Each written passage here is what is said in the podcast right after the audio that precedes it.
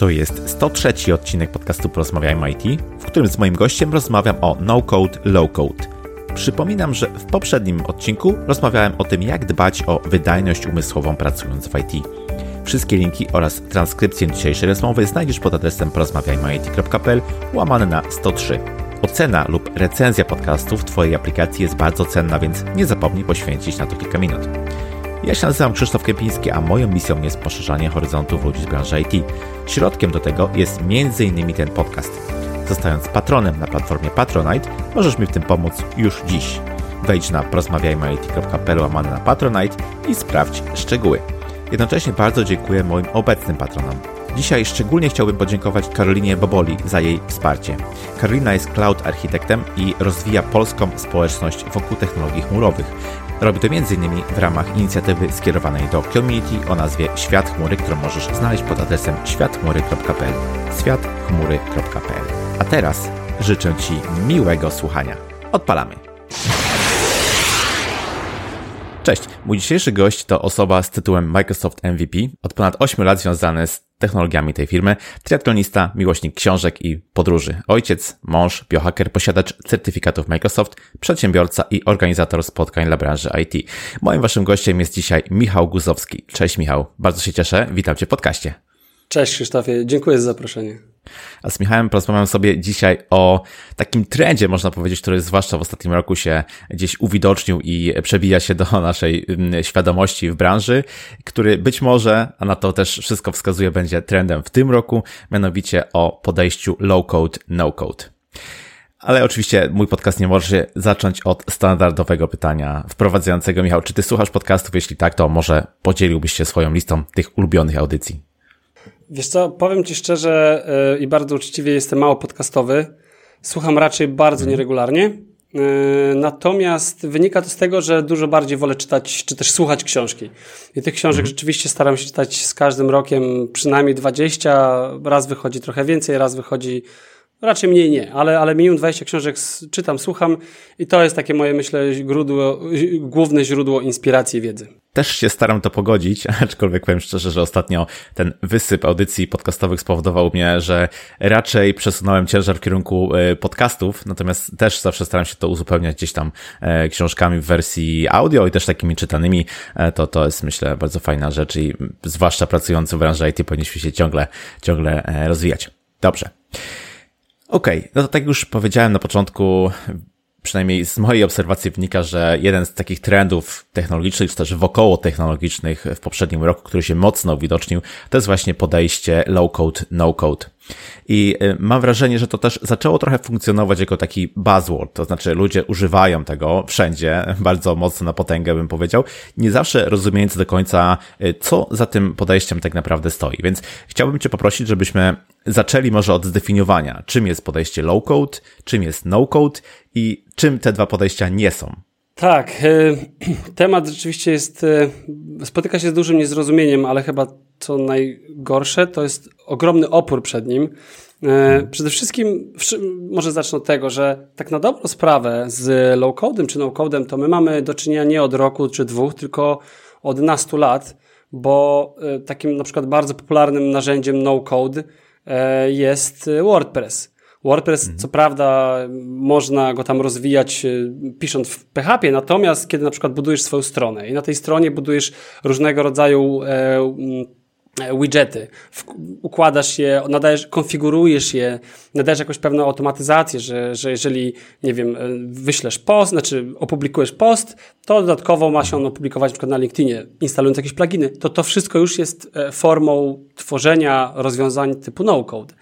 Mhm. Oczywiście WordPress nie jest jedynym przykładem, takimi bardziej zaawansowanymi, czy też bardziej specyficznymi rozwiązaniami typu no-code jest, jest MailChimp, E, czyli platforma do obsługi list mailingowych, czy Canva do budowania grafik, czy landingi bądź lead pages do e, stron, stron e, landingowych i wszelkiego rodzaju różne narzędzia też do obsługi funnelu, czyli tych lejków sprzedażowych, czy do takie narzędzia typowo do cyfrowego miejsca pracy, jak Office 365 i Power Platform. I na dobrą sprawę no z tymi narzędziami już mamy od dłuższego czasu styczność, ale jednak rzeczywiście teraz się o nich mówi dużo odważniej, już nie jako takie narzędzia wspomagające, tylko zaczynają coraz bardziej kolidować z IT, to znaczy za, oczywiście to wyjaśnimy później, ale powiedzmy, mhm. że troszeczkę e, przejmować ich, e, ich zadanie, ich obowiązki. Jeżeli mówimy mhm. natomiast o low-code, to tutaj będziemy mówili o narzędziach, które e, w jakiś sposób też konfigurujemy, czy nadajemy jakąś logikę, czy automatyzację, ale już z użyciem jakiegoś prostego języka. To może być, e, czy najczęściej jest język funkcyjny, tak jak przykładowo mamy Excela i w Excelu mhm. możemy sobie w e, komórce wpisać e, jakieś tam polecenie w stylu sumuj mi kratki od tego do tego. To to już jest jakaś funkcja. I mówiąc szerzej, to jest język funkcyjny, i w ten sposób, tak na dobrą sprawę, tworzy się rozwiązanie low-code. Więc Excel w takiej zaawansowanej formie to już może być platforma low-codeowa, ale oczywiście e, rozwiązań low-codowych E, jest, jest również wiele, tak jak no-codowych i przykładowo w tym low-code mamy um, wspomniane przy no-code Power Platform, ponieważ Power Platform jako mhm. tam platforma do automatyzacji czy budowania aplikacji od strony Microsoftu pozwala na pracę i taką, i taką. Um, mamy też takie zupełnie zależne oprogramowania low-codowe jak Babel.io do tworzenia aplikacji mobilnych, czy e, Webcon, to jest e, duży silnik do automatyzacji, również budowania pewnych e, formularzy czy aplikacji. E, co ciekawe, produkt pochodzi z Polski, także mamy naprawdę bardzo wiele produktów różnej maści, głównie jednak skupionych, do, skupionych na e, obszarach budowania automatyzacji i zwiększania produktywności w firmach.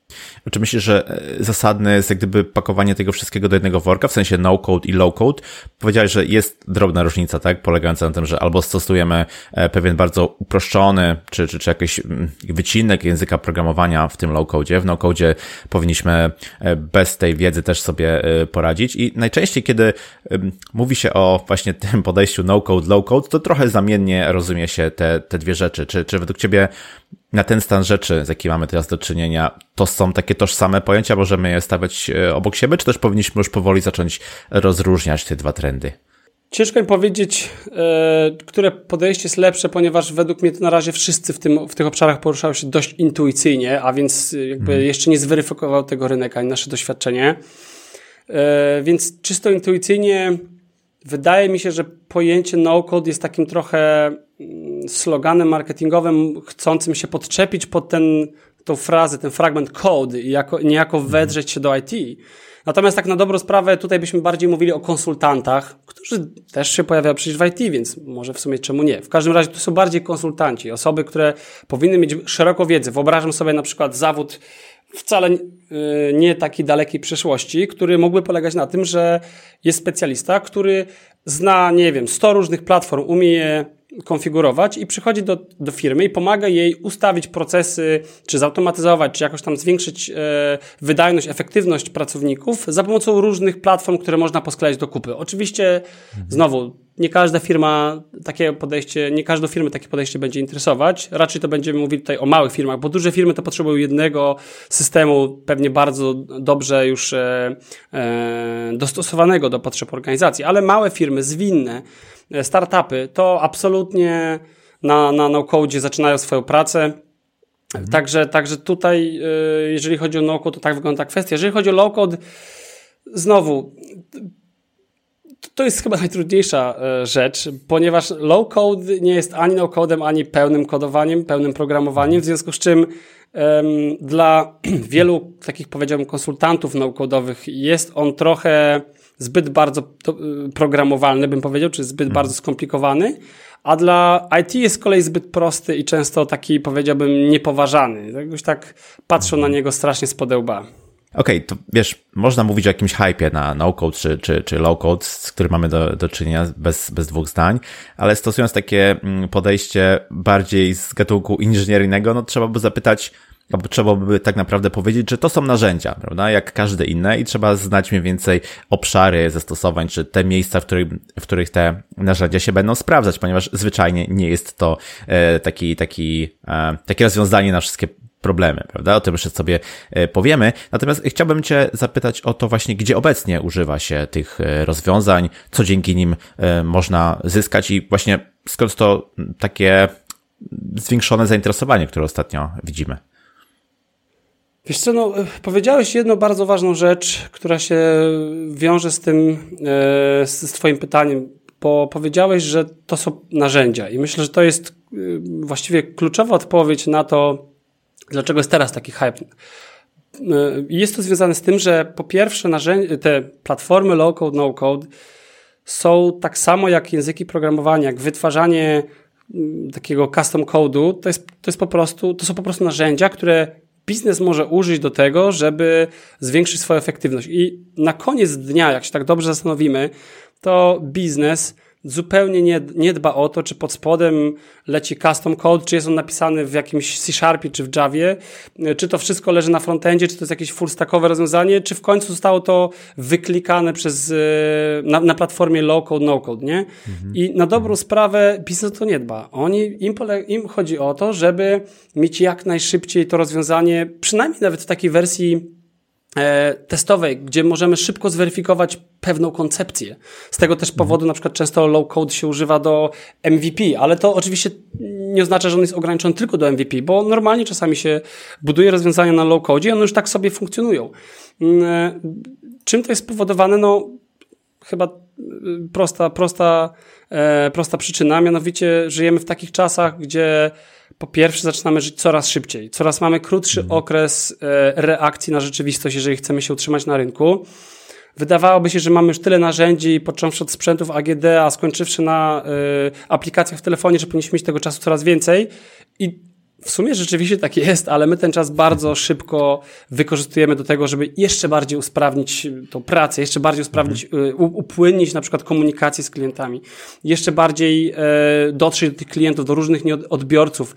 E, pojawiały się tak na dobrą sprawę nowe wyzwania, o czym też pewnie powiemy, że ten low-code, no-code wcale nie powoduje, że, że tej pracy jest mniej, mhm. wręcz przeciwnie. Ale to jest związane z tym, jak, jak świat się rozwija i, i mm, ogólnie też jest taki trend, że E, przez to, że ten świat bardzo mocno wchodzi teraz w IT, praktycznie każda branża, włącznie z nawet kierunkami e, studenckimi e, opartymi o kierunki humanistyczne, wchodzą w IT, mhm. był nawet na Uniwersytecie Warszawskim chyba, już nie wiem czy nie zamknięty, taki kierunek Humanistyka 2.0, który łączył elementy humanistyki z IT, w każdym razie ten IT wchodzi wszędzie. No po prostu już nie da się teraz wyjść z komputera, a jeszcze po tej mhm. pandemii, co, co, co była i jest, no to właściwie już nic, nic nie spowoduje, że, że ktokolwiek stwierdzi, że hmm, jednak ta cyfryzacja to nie taka dobra rzecz. No nie, nie ma na to najmniejszej szansy. I, i to powoduje, że tych programistów, czy ogólnie specjalistów IT jest, jest strasznie dużo potrzebnych na, na świecie.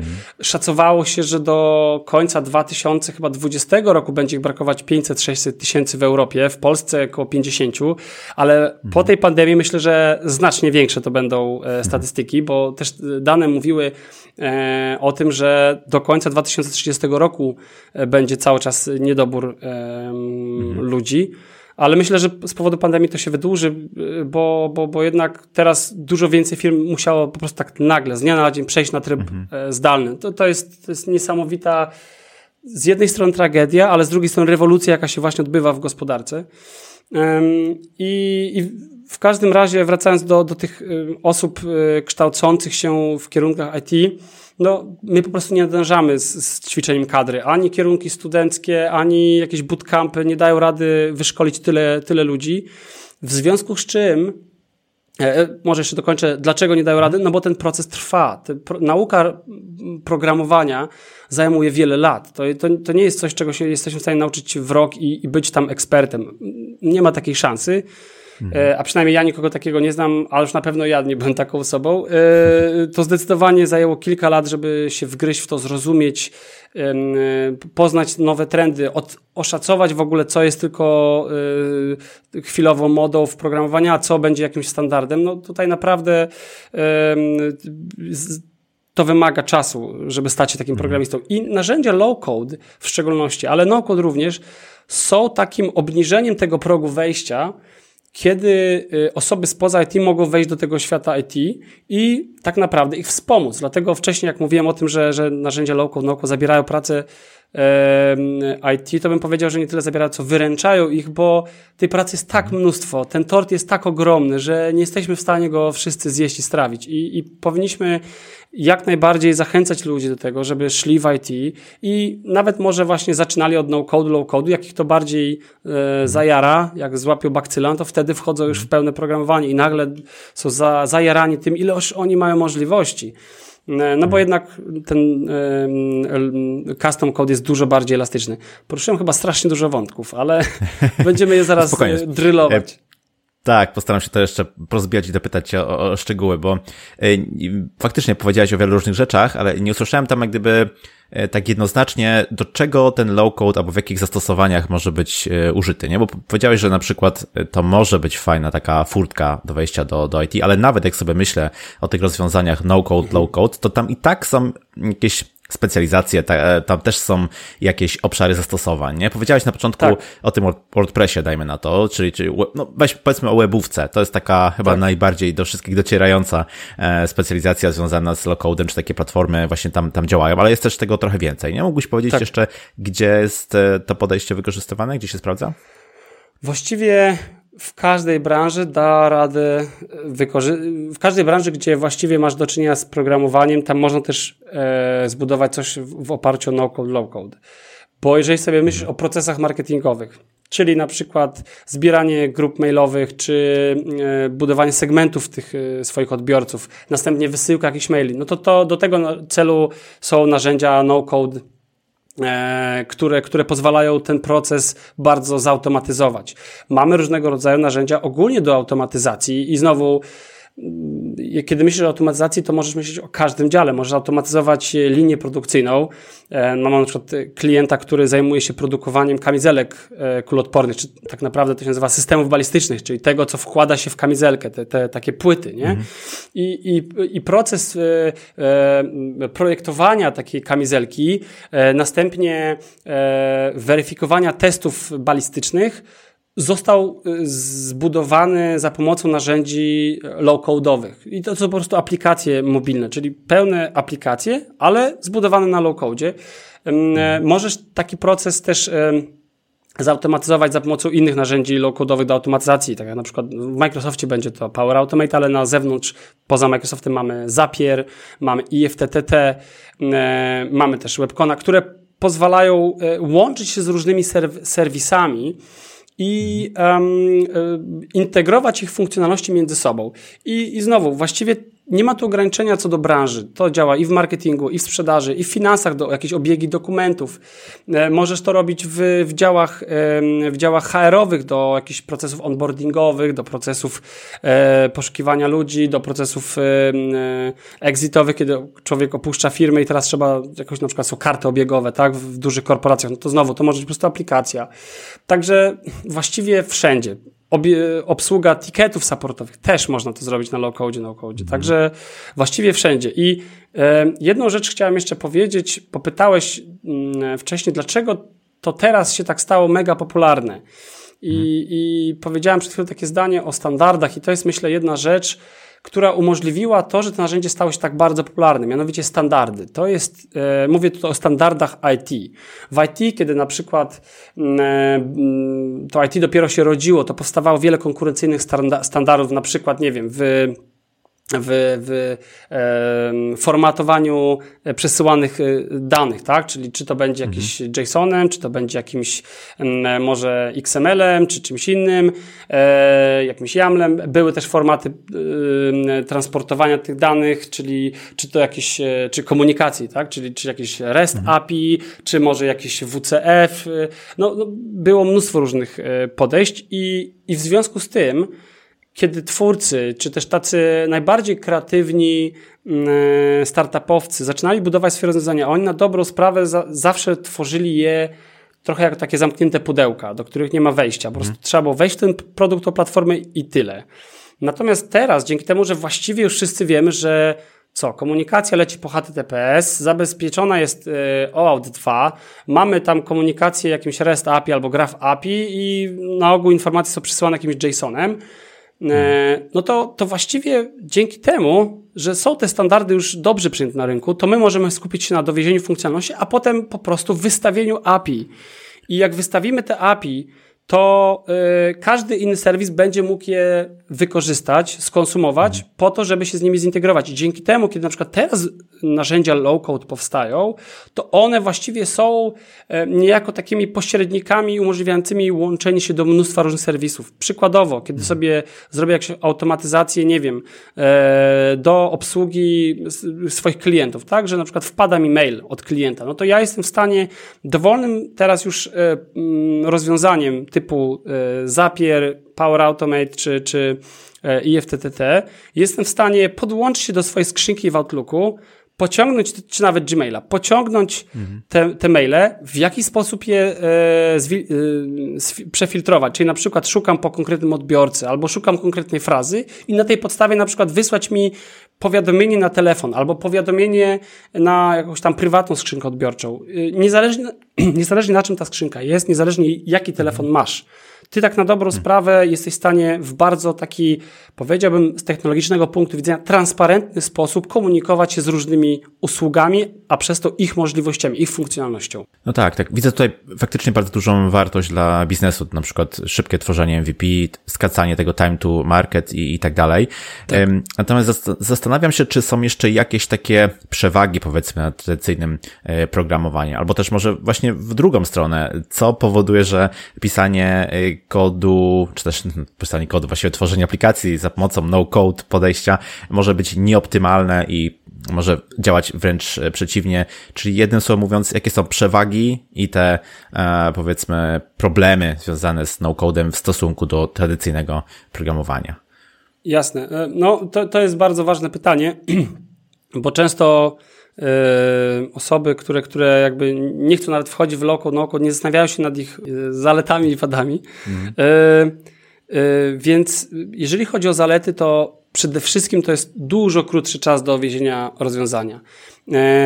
Z mojego doświadczenia, kiedy budowaliśmy sobie, jak poznawałem dopiero narzędzie low-code i budowałem sobie rozwiązania, aplikacje, jakieś tam do różnych zastosowań, jakiś skaner wizytówek, jakieś narzędzie do tłumaczenia dokumentów, to właściwie byłem w stanie uzyskać pięcio-ośmiokrotny e, krótszy czas zbudowania rozwiązania kompletnego w stosunku do tego, gdybym budował je e, zwyczajnie programistycznie, że tak się wyrażę. E, a mhm. akurat tutaj też mam doświadczenie, bo byłem programistą, więc jakby miałem takie porównanie w miarę realne, tak? Czyli ile mi by zajęło e, czasu napisanie aplikacji, tam na przykład do skanowania wizytówek, a ile mi to zajęło faktycznie e, zrobienie takiej aplikacji do skanowania wizytówek za pomocą low-codu. I, I przykładowo w low-codzie to wyszło mi chyba półtora dnia. Więc hmm. to, to wiesz, no, zbudowanie zupełnie własnej aplikacji do skanowania, która robi te zdjęcia, wyciąga z nich jakieś informacje, zrobienie tego w dzień czy półtora, to, to jest naprawdę żaden czas. Hmm. Więc jeżeli myślisz sobie o rozwiązaniach biznesowych, gdzie, e, ok, proces analityczny i jakiś tam designerski trwa tyle samo, co w zwykłym programowaniu, ale potem proces implementacyjny trwa kilkukrotnie krócej, no to, to to jest dla biznesu spora, spora przewaga, mhm. sprowadzająca się do ceny oczywiście. Natomiast no gdzie ten low-code jest słaby, no to znowu, ponieważ e, low-code to jest najczęściej, to będą technologie mm, jakby sasowe, czyli, czyli w cloudzie mamy jakąś, jakąś platformę na jakichś serwerach, no to po pierwsze może kuleć e, wydajność optymalizacja. To oczywiście zależy od tego, jak duże, czy jak bardzo e, bardzo wykorzystywane będzie to, to, to rozwiązanie nasze. Inna mhm. rzecz to może być bariera cenowa, ponieważ im większe wykorzystanie, czy im większe możliwości platformy, e, to tym, tym większa cena i może się okazać, że my przepłacamy bardzo dużo, nie? E, mhm. No i też kwestia tego, że ponieważ jest to jednak low code, no code, czyli my na dobrą sprawę używamy jakichś takich y, zbudowanych, przygotowanych, czy to kontrolek, czy to jakichś e, funkcji, to to jest jednak ograniczony zbiór i nie zawsze wszystko możemy zrealizować. I przez to hmm. może się nagle okazać, że my potrzebujemy akurat takiej funkcjonalności, czy takiej integracji, która nie jest możliwa w, w takim rozwiązaniu. I, i to, to wtedy na dobrą sprawę mm, e, należałoby popatrzeć, czy sensowniej z punktu widzenia biznesu byłoby wyłożyć trochę dodatkowego pieniądza, żeby zbudować to customowo. I czasem się okazuje, że tak, czasem się okazuje, że nie. No właśnie, powiedziałeś, że ten wachlarz usług, powiedzmy, dostępnych w ramach no-code coraz bardziej rośnie. Nie może jesteśmy w stanie się integrować z coraz większą e, gdzieś tam gamą e, różnych dostawców e, usług, API i tak dalej, to konsumować i po prostu wyklikiwać, nie?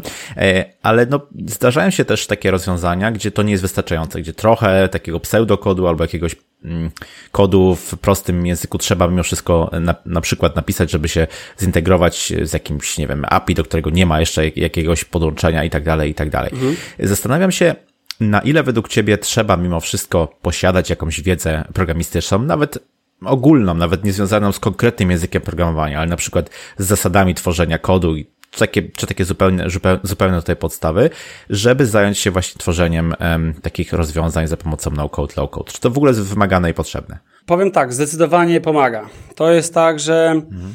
teraz się sporo mówi o citizen developers. Citizen developer jest to człowiek, osoba pracująca w firmie, będąca najlepiej jakimś procesonerem, czyli kimś, kto świetnie rozumie proces od początku do końca, czyli na przykład nie wiem, pracownik HR, który e, nie tylko bierze udział w, w, w, procesach zatrudniania, onboardingu, ale również jest w stanie wpływać na ułożenie tego procesu, na jego wygląd, proponuje jakieś e, pomysły, ma, ma w ogóle jakieś pomysły, e, żeby ten proces usprawnić, ulepszyć.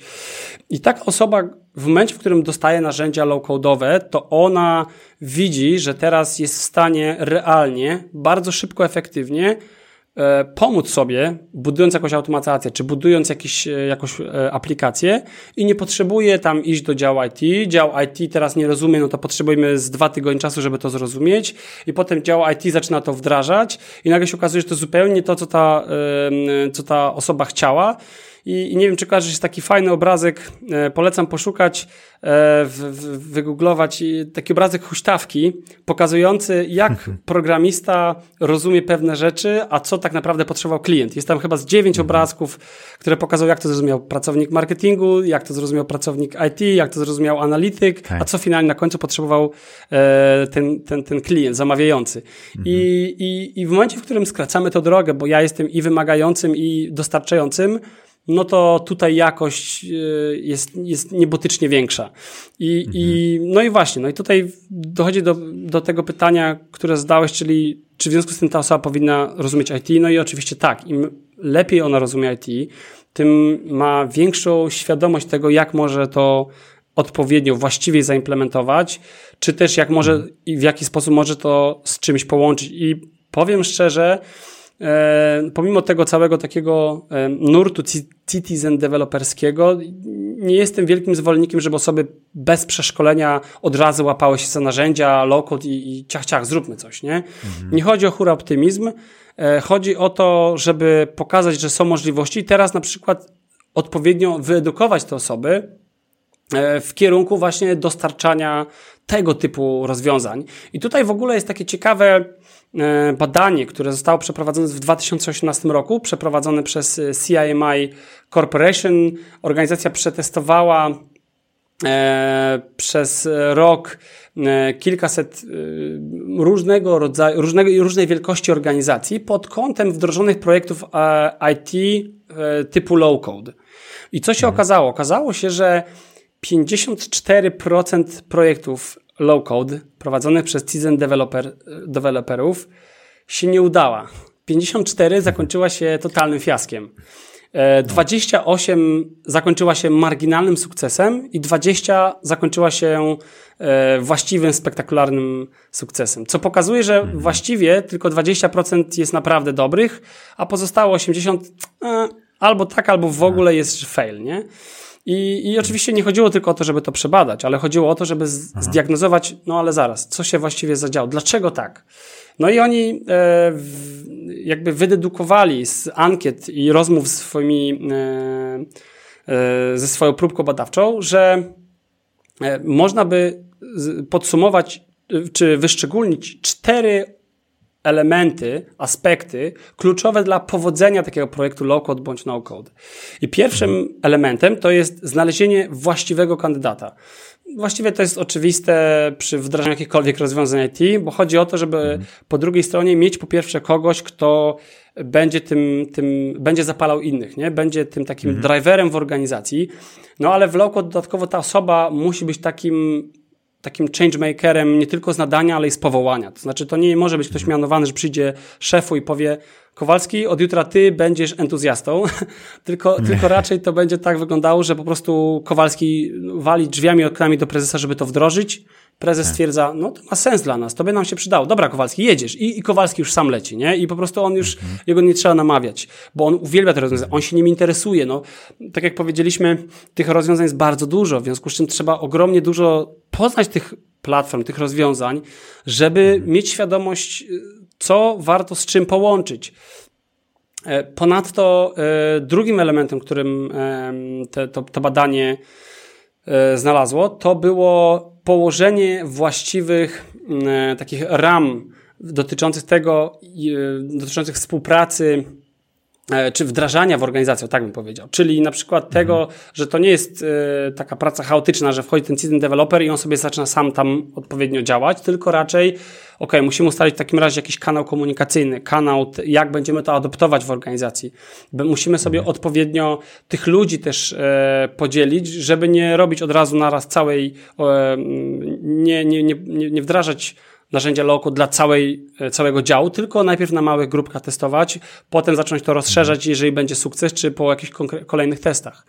Trzecim elementem jest E, zbratanie się z IT, czyli jednak rozmowa z tym IT, ok, słuchajcie, jakie mamy możliwości, jakie macie rozwiązania, e, bycie w kontakcie z tym IT, który jest jednak dużo bardziej świadome tego, e, jak wygląda na przykład nawet implementacja, rozumie implementację tego narzędzia low-code i jest w związku z tym w stanie jakby domyślić się, czy teraz taka integracja będzie możliwa, czy nie, czy zabezpieczymy ją w taki sposób, jaki wymaga to nasza organizacja, czy nie, czy jesteśmy w stanie zabezpieczyć pewne porty, czy nie.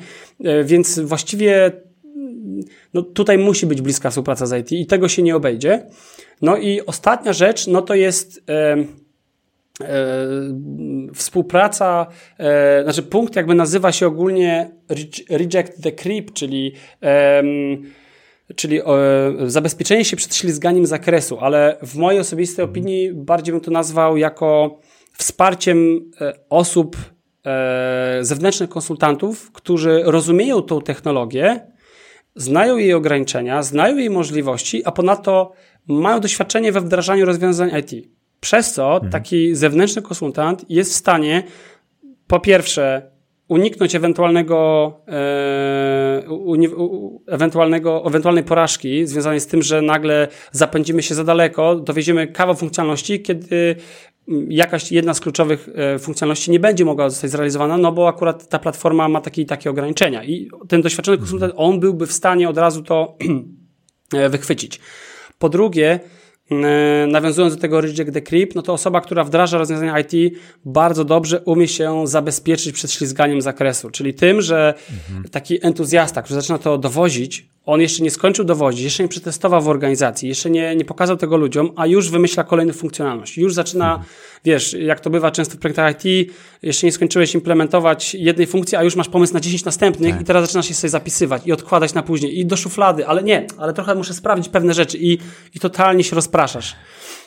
Mhm. Także, także, no właśnie, takie wsparcie z osoby zewnętrznej bardzo może przez to przejść maksymalnie bezboleśnie. No tak, to jest faktycznie wiele, wiele krocków. No ale jakby nie patrzeć, ten no-code jest jakimś tam rodzajem developmentu, albo aplikacji, albo integracji stron, no tutaj wiele tych rzeczy, o które, których już powiedziałeś.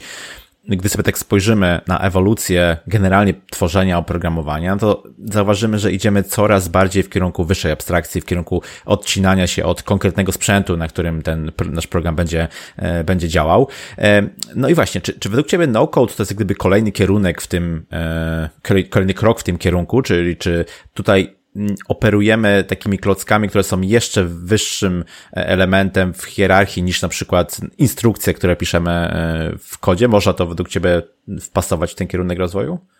Tak, tak. To znaczy, po pierwsze, no nawet jak sobie spojrzymy na generację języków programowania, nie? Tam ta druga generacja hmm. to ten assembler, potem trzecia generacja to jakiś tam C Sharp, Java czy C++, no i, i czwarta generacja to jest taki, powiedziałbym, pseudokod, nie? I. I, na przykład Visual Basic jest, jest e, e, zaliczany do, do, do takiego e, języka czwartej generacji. No i, ogólnie rzecz ujmując, jest widoczny ten, ten proces coraz większej generalizacji języków i low-code czy też no-code jest według mnie jego taką, nie chcę powiedzieć wizualizacją, tylko bardziej jego, jego formą. I według mnie bardzo dobrze, że tak się dzieje, bo wszystko na koniec dnia sprowadza się do tego, że jesteśmy w stanie to pewne powtarzające się elementy czy schematy w, w procesie wytwarzania oprogramowania w jaki sposób e, ubrać w taką, w taką ramę szablonu i następnie posługiwać się tym szablonem. No i przecież mhm. jakby każdy język, każda generacja języka, no właśnie to miała na celu, nie? Jakby teraz już nie ma bojówek assemblera, które twierdzą, no nie, tylko praca na poszczególnych, pra, e, prosty, poszczególnych tikach naszego zegara tak. to jest to jest, to jest właściwe, a ten C++ to dziadostwo. No nie, no teraz zdarzają się jeszcze bojówkarze C, którzy twierdzą, że C daje największą optymalizację, no bo daje, bo działasz na bardzo mhm. niskich e, elementach e, maszyny, natomiast no, nikt nie ma z tym problemu, że nagle nie wiem, 70-80% nie znam danych, więc teraz strzelam, ale zakładam, że zdecydowana większość e, rozwiązań, aplikacji IT, no to jest robiona w, nie jest w C, tylko w jakimś C-Sharpie, nie? Tak. Który de facto potem i tak jest kompilowany do C. Mhm. Nie, no dokładnie do kodu maszynowego, czyli nie C. no zgadza się, zgadza się. Mm, okej, okay, powiedziałeś, że na przykład to jest fajne narzędzie, fajny sposób, żeby sobie szybko MVP sprawdzić, nie? Albo nawet, żeby tak. E, jakieś działające rozwiązanie stworzyły osoby, które nie mają takiego backgroundu inżynieryjnego związanego z programowaniem. Myślę, że fajnie użyć sobie takiego rozwiązania, nawet jeśli chcemy jakieś tam takie powiedziałbym, osobiste e, automatyzacje sobie porobić, nie? Żeby coś tam się, powiedzmy, działo, żebyśmy nie musieli spędzać jakoś tam czasu nad takimi prostymi rzeczami dla nas. No ale Zastanawiam się, co się stanie, jeśli ten nasz pomysł jakoś tam biznesowo wypali i nagle zmierzymy się, zderzymy się z problemem wielkiej skali. Czy takie rozwiązania się w ogóle skalują? I to nie tylko gdyby, wiesz, myślę tutaj o takim czysto technologicznym um, challenge'u, ale również tak finansowo, kosztowo, nie? Czy jeśli nie przekraczamy pewnej tam skali, to nie okaże się, że jednak płacimy strasznie dużo, dużo więcej niż gdybyśmy to rozwiązanie napisali.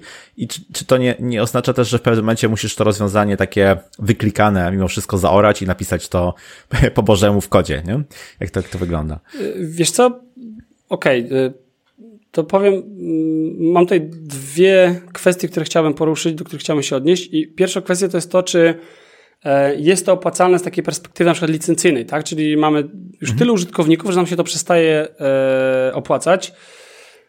Wydaje mi się, że to jest stały element e, kosztowy, kiedy używamy jakiejś mm, platformy, jakiegoś rozwiązania i to niekoniecznie technologicznego, jakiegokolwiek, które automatyzuje, no to wiadomo, że prawdopodobnie E, będzie trzeba od tego zapłacić jakiś podatek, no i wraz z, z, z, wartością, którą zaczynamy sobie od tego odbierać, ten podatek będzie większy. To często e, też e, przez to platformy takie low code, no code, kiedy widzą, że masz coraz większy ruch, zaczynają ci coraz więcej, coraz więcej cię kasować. Więc, więc finansowo to przestaje się być aż tak opłacalne, chociaż jest mnóstwo biznesów, które, których to zupełnie odstrasza, bo wartość, którą uzyskują jest znacznie większa. No, żeby nie szukać daleko, my nawet wdrożyliśmy, pamiętam, u takiego klienta projekt, rozwiązanie aplikacji do śledzenia czasu pracy, gdzie tak na dobrą sprawę e, klient używał, to był klient szwedzki, płacił za narzędzie 50 tysięcy koron miesięcznie dla tam 100 pracowników jakiś, jakiś, e, jakiś tool miał. I ten tool był niedostosowany, e, on był jakby, to był jakiś chyba CRM dostosowany tylko do tego e, pomiaru czasu pracy, więc on tam był jakiś tak strasznie dziwnie mhm. poszyty. Dodatkowo nie miał aplikacji mobilnej i to było tragedia, żeby tego używać. No i my żeśmy im to zbudowali w trzy miesiące. W trzy miesiące zbudowaliśmy tak naprawdę trzy aplikacje. Dwie aplikacje mobilne i jedną aplikację y, raport Power BI-owy, tak? I mhm. y, w trzy miesiące człowiek dostał e, rozwiązanie, które zwróciło mu się w kolejnych trzech miesiącach, czyli, z, czyli e, e, po sześciu miesiącach zaczął zarabiać na tym projekcie, bo płacił mhm. e, koszty wdrożeniowe plus koszty utrzymaniowe e, za licencje Microsoftowe były i tak niższe niż te 50 tysięcy koron miesięcznie, więc po 6 miesiącach zaczął już na tym zarabiać. W odniesieniu oczywiście do tego poprzedniego narzędzia. E, mhm. więc, więc to wcale tak nie jest powiedziane, że, że takie narzędzia mogą generować koszty, ale oczywiście e, e, oczywiście, jeżeli się te, tego nie robi jakoś tak w przemyślany sposób, bez, bez e, takiej świadomości licencyjnej i produktowej, no to można się wpakować w spore koszty. E, natomiast druga rzecz, którą powiedziałeś, to czy te narzędzia ogólnie, jeżeli budujemy takie MVP, no to teraz się to opłaca robić, mając na przykład świadomość tego, że będziemy musieli się wycofać i to napisać od nowa.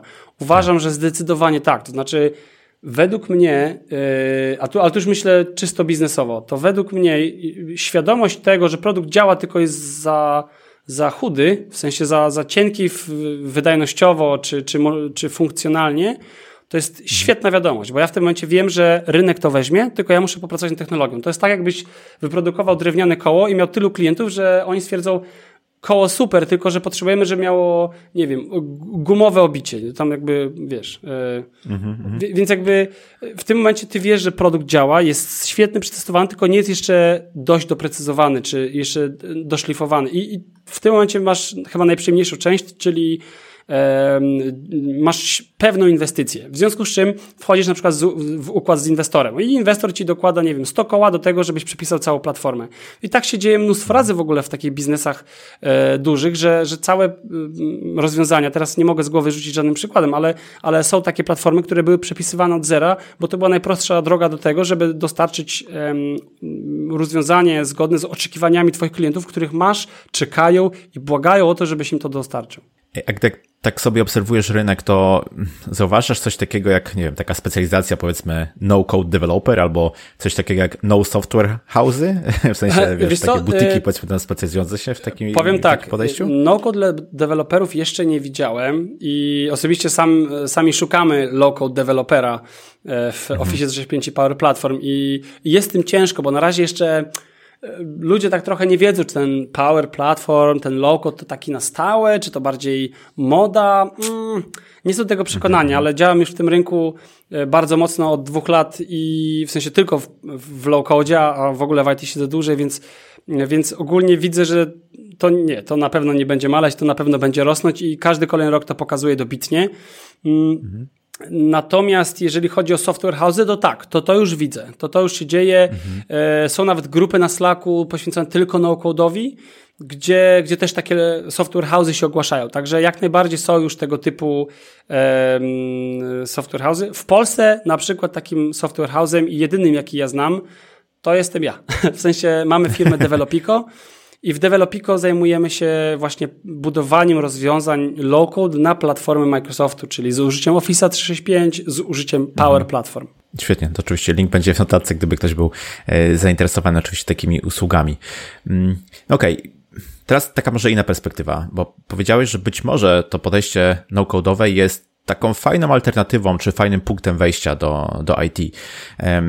Widzę tu z jednej strony e, taki potencjał, powiedzmy, w budowaniu dosyć szybko rzeczy, po to, żeby je na przykład e, zwalidować, a z drugiej strony, no, mm, doskonale wiemy, że nauka programowania, tak jak mówiłeś na początku, to, to trwa, nie? To, to się nie, nie dzieje gdzieś tam z wtorku na środę.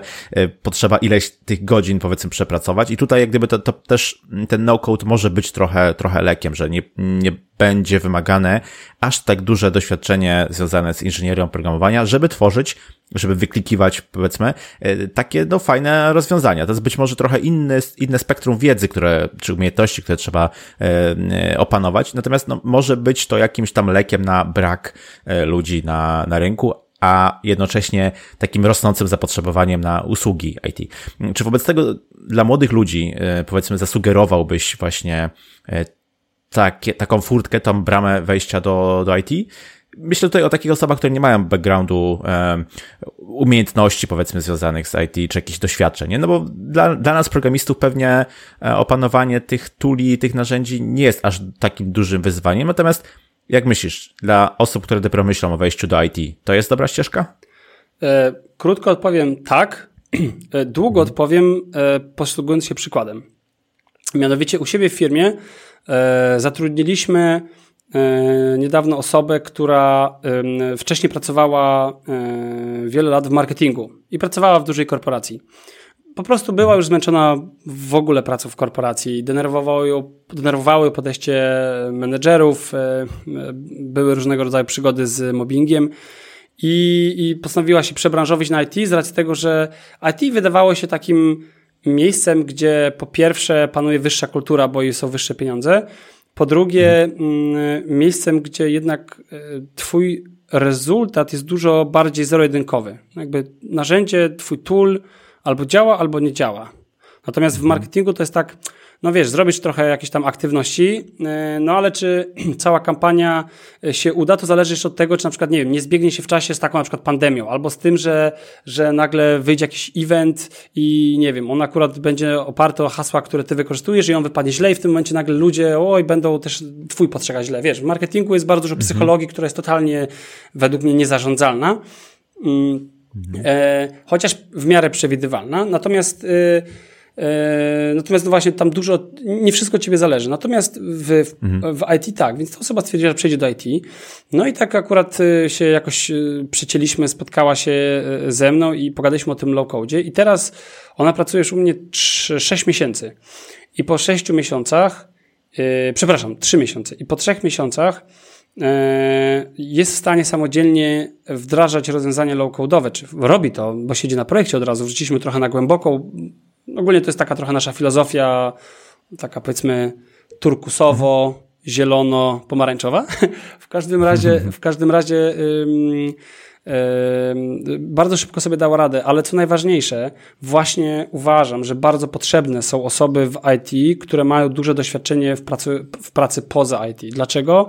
Mhm. Bo często te osoby mają zupełnie inny mindset i zupełnie inną inteligencję emocjonalną. Jednak w IT jeszcze gdzieś tak, to jest chyba, mm, teraz się to powoli zmienia, ale jeszcze jest spore pokolenie osób wychowanych w IT, które było głównie takim zajęciem dla prawdziwych hobbystów, e, osób z zacięciem pracujących w garażu po godzinach i w piwnicy.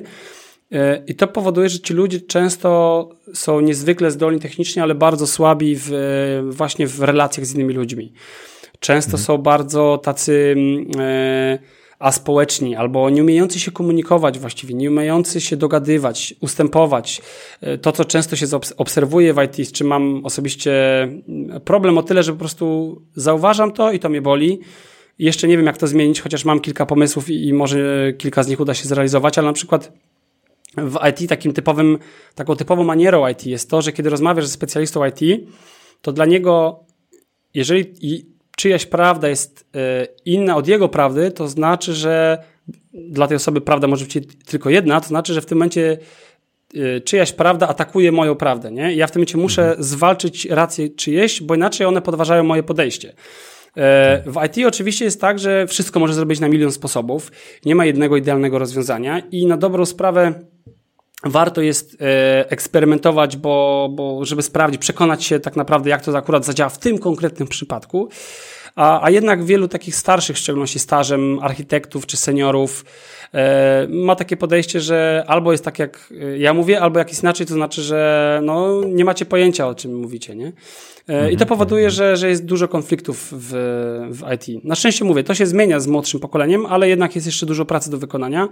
E, no i właśnie, takie osoby spoza IT wnoszą to, co na przykład z czym IT sobie słabo radzi, czyli kontakt z klientem.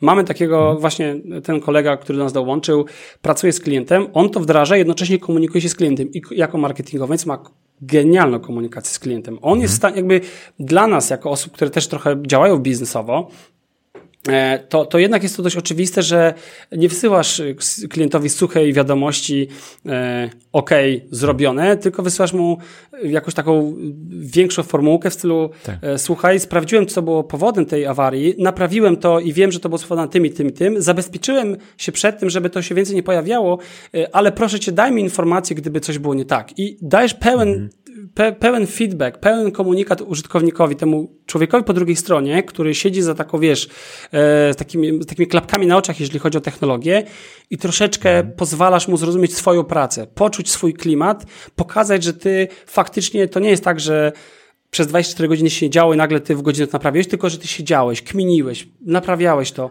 że były jakieś problemy, ale się udało też je rozwiązać i w tym momencie zwiększasz nawet wartość siebie jako specjalisty, ale IT często jest takie właśnie, wiesz, ono, ono nie czuje tego, czego potrzebuje druga strona i w związku z tym osoby low-code, no-code, które wchodzą spoza IT, one już to często mają.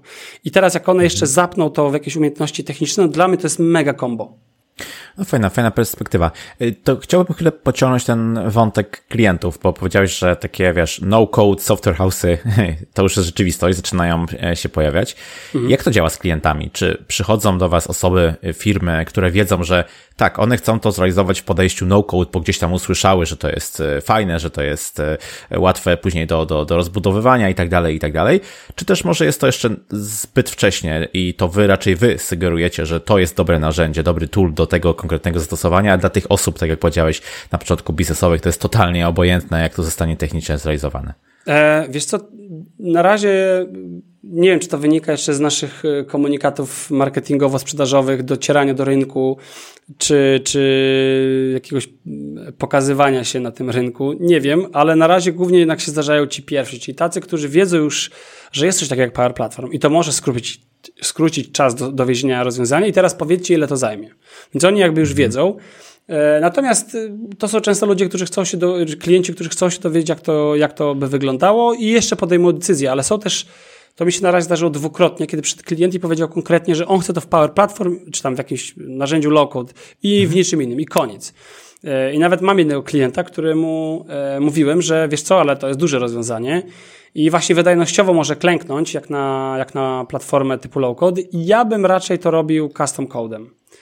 E, mhm. Ale on powiedział nie, nie, my chcemy iść w pełni świadomie do oporu iść w ten Power Platform. Czy tam były jakieś układy z, z, Microsoftem, jakieś lepsze stawki? Nie mam pojęcia, nie, nie, nie, za bardzo mnie to interesowało, natomiast rzeczywiście był taki klient, który powiedział Power Platform i koniec. Okej, okay, to teraz taki temat, który no, jest wałkowany już tam wiele razy, ale jestem ciekawy też Twojej e, perspektywy. Czy no-code zabierze pracę programistom? lubię to pytanie, lubię to pytanie. E, ja bym je w ogóle troszeczkę rozszerzył. Chociaż nie, to też trzeba się do niego odnieść. Po pierwsze, zupełnie nie. Absolutnie, to, to nawet nie jest, wie, że nie wierzę w to. A ja absolutnie wiem, że tak się nie stanie. Po pierwsze, hmm. dlatego, że programistów cały czas będzie potrzebna taka chmara, że nie jesteśmy w stanie tego rynku wysycić. Po drugie, dlatego, że celem low-code'u nie jest zabrać pracę programistom, bo low-code nie jest tak dobry jak custom code, czy tak elastyczny, czy tak jakby mm, efektywny w działaniu, w związku z czym hmm. e, do czego na przykład takie IT może wykorzystać takie platformy low-code? No po pierwsze do e, budowania MVP czy POC, które jak stwierdzą, że jest cacy, to będą wdrażać klientowi. Więc już mają takie szybkie przetarcie, e, bardzo efektywne, niedoskonałe, ale bardzo efektywne do tego, żeby, żeby sobie coś tam sprawdzić. Nie? E, więc mhm. to jest punkt pierwszy. Punkt drugi, no to mm, e, ludzie z IT są w stanie skupić się na tych rzeczach e, w, w, w, rozwiązaniu IT, które muszą być zrobione custom codem i wymagają wiedzy programistycznej. I ja bym to nazwał takie, że, że jakby ci programiści wtedy stają się takim IT komando. Czyli wyobraź sobie, że masz e, aplikację, która ma na celu tłumaczyć dokumenty. No i co? Masz jakoś, e, jakiś interfejs aplikacji mobilnej, dołączasz dokument ze swojego tam, ze swoich plików na telefonie.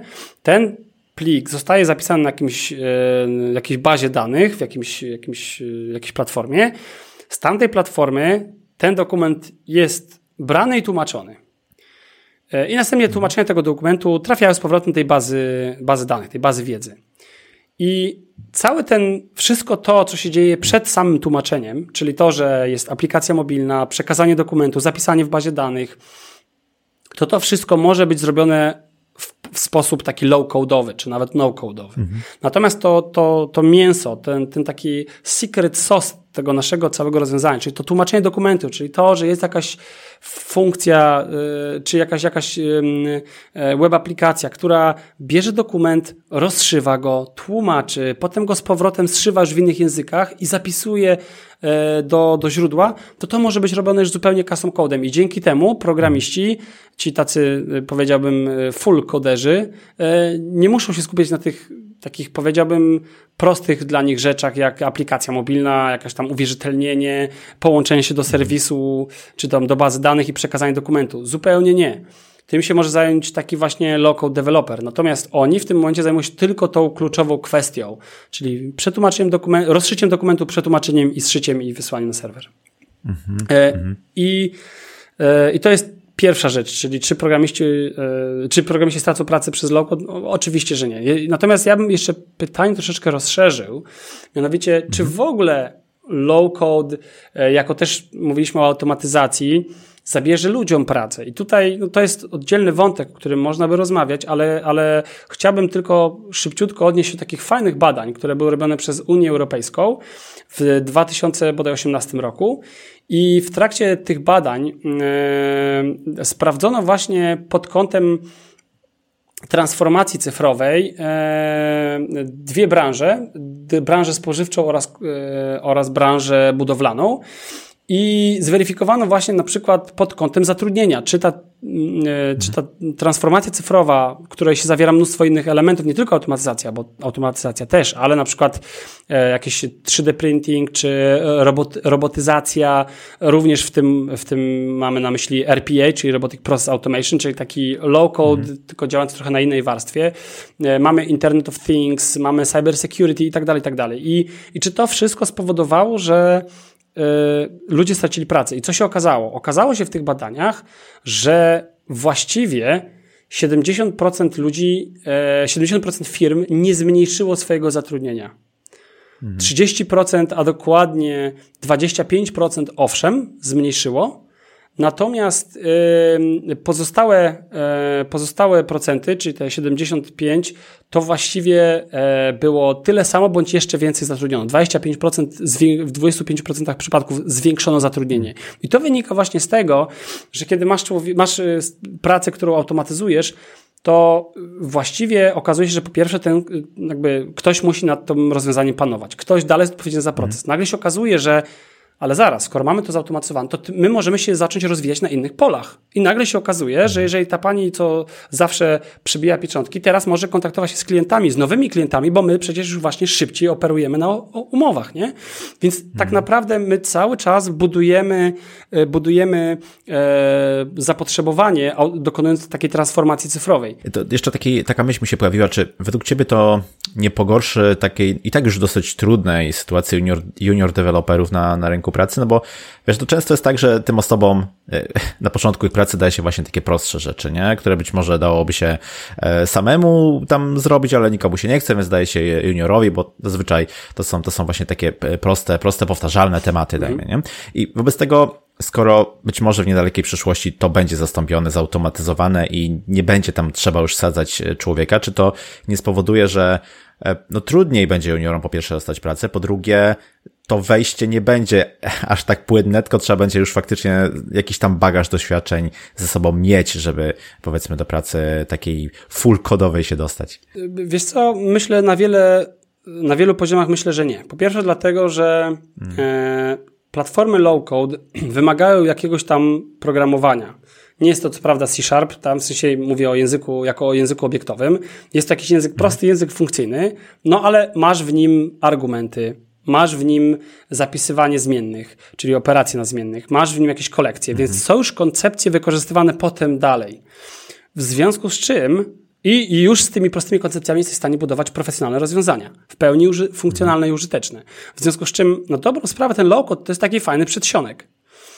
Eee, natomiast druga sprawa jest taka, że żeby być takim, znowu, pełnoprawnym programistą, to właściwie mm, praca y, z, z, z pełnym procesem wytwarzania oprogramowania, nie tylko z samym procesem wytwórczym, ale także analizą, a, na, a potem wdrożeniem, to w projektach low-codowych jest dużo szybsza, no bo masz krótką implementację w ciągu na przykład trzech miesięcy jesteś w stanie przejść od początku do końca projektu. W takich zwykłych projektach yy, custom kodowych to ten proces to często trwa rok. To nieraz niektórzy to albo już zapomnieli po roku, co było na początku, albo w ogóle już nie pracują w firmie, nie?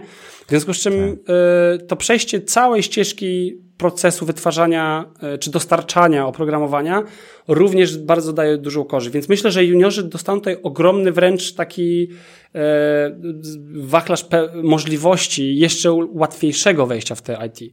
Natomiast inna sprawa, że rzeczywiście na pewno będzie taka, czy może się pojawić taka stygmatyzacja, że zaraz, ten ziomuś po low-codzie, to co on tam wie o programowaniu? To żaden programista hmm. z niego. I nagle będzie takie, tak. e, to będzie trochę stereotypowe i też pewnie będzie wynikające z tego, że są po prostu ludzie, którzy się nie nadają do programowania, a próbują się tam hmm. pchać. I to się dzieje też teraz. Natomiast jakby e, low-code, jakby wiesz, niektórzy będą mieli swój sufit na końcu low-coda, czyli wejdą w low-code chcąc iść do programowania i potem zaczną walić w sufit przy programowaniu, e, okaże się, że, że sobie nie dają rady, no i nagle zostanie już na rynku takie wrażenie, że a, ci low-coderzy to żadni z nich programiści. Znaczy, taka jest możliwość, mhm.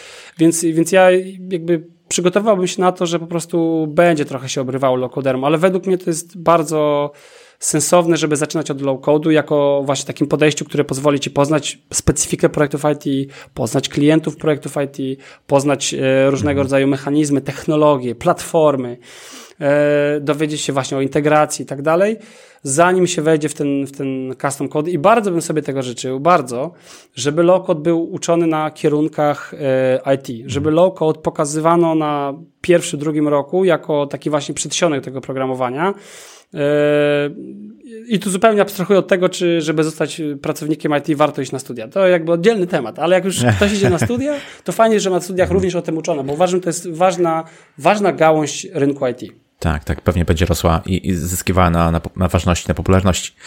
No właśnie, ale jakby tak teraz spojrzeć na tą branżę programistyczną, to mam wrażenie, że no-code to jest taki dodatkowy tool, takie dodatkowe narzędzie, takie trochę też zadanie dla chętnych. Można to wiedzieć, może to ci coś pomóc, ale nie jest to powiedzmy niezbędne. I zastanawiam się, czy to za niedługi czas nie będzie już takim właśnie commodity, że wszyscy będą musieli y, to potrafić, czy wszyscy programiści.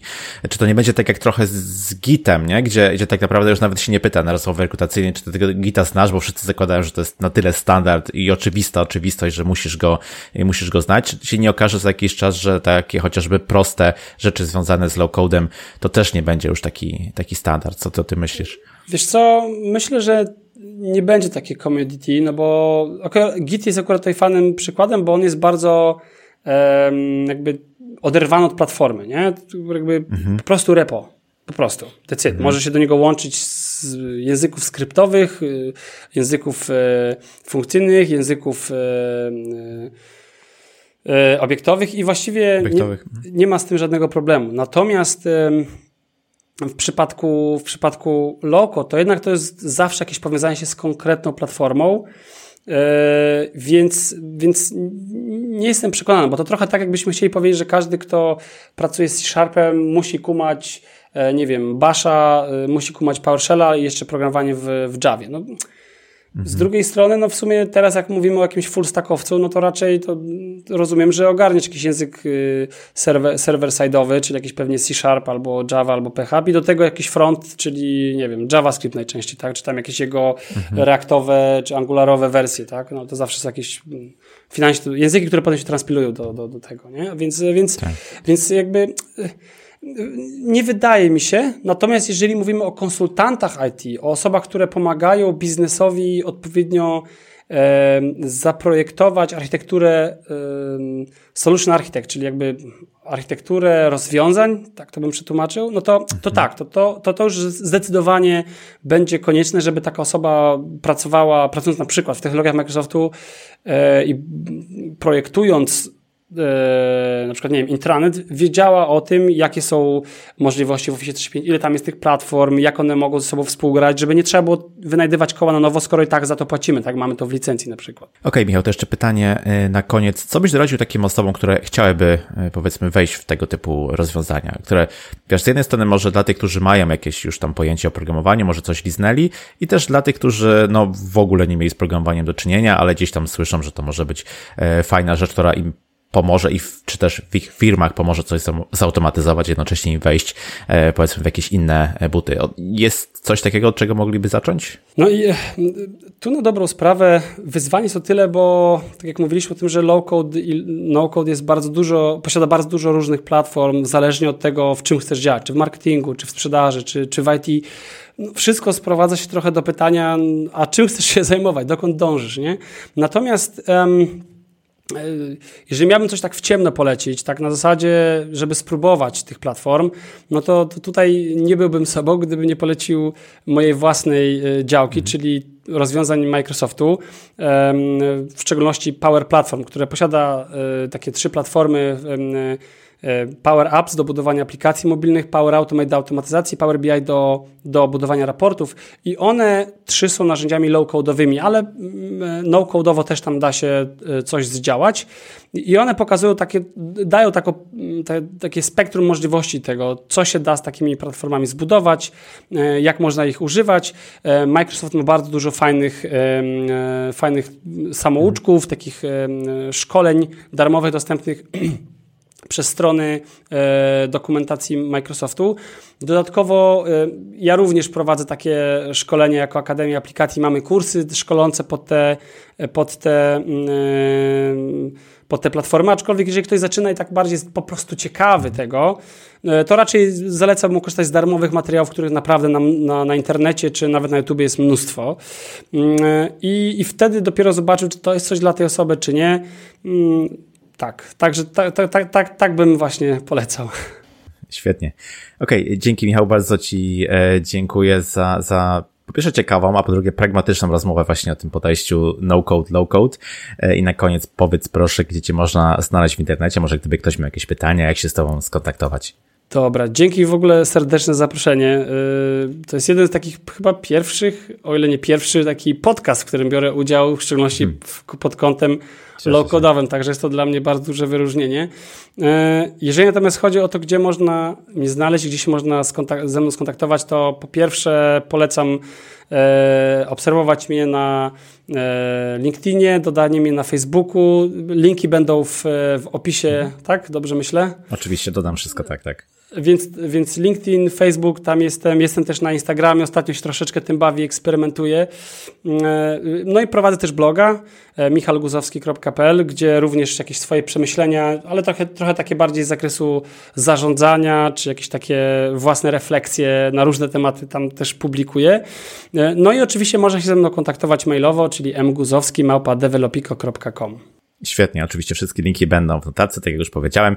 Jeszcze raz Ci, Michał, bardzo dziękuję i do usłyszenia. Trzymaj się, cześć. Dzięki serdeczne, cześć. I to tyle z tego, co przygotowałem dla Ciebie na dzisiaj. Z pewnością narzędzia low-code czy no-code weszły już na salony i warto się z nimi zapoznać. Trzeba jednak pamiętać, że to tylko narzędzia i że są miejsca, w których ich użycie dobrze pasuje, jak również takie, gdzie ich zastosowanie jest nieoptymalne.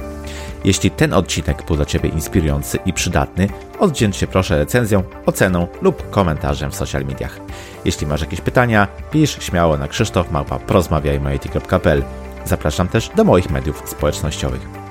Ja się nazywam Krzysztof Kępiński, a to był odcinek podcastu Porozmawiajmy IT o No Code, Low Code. Zapraszam do kolejnego odcinka już za tydzień. Cześć!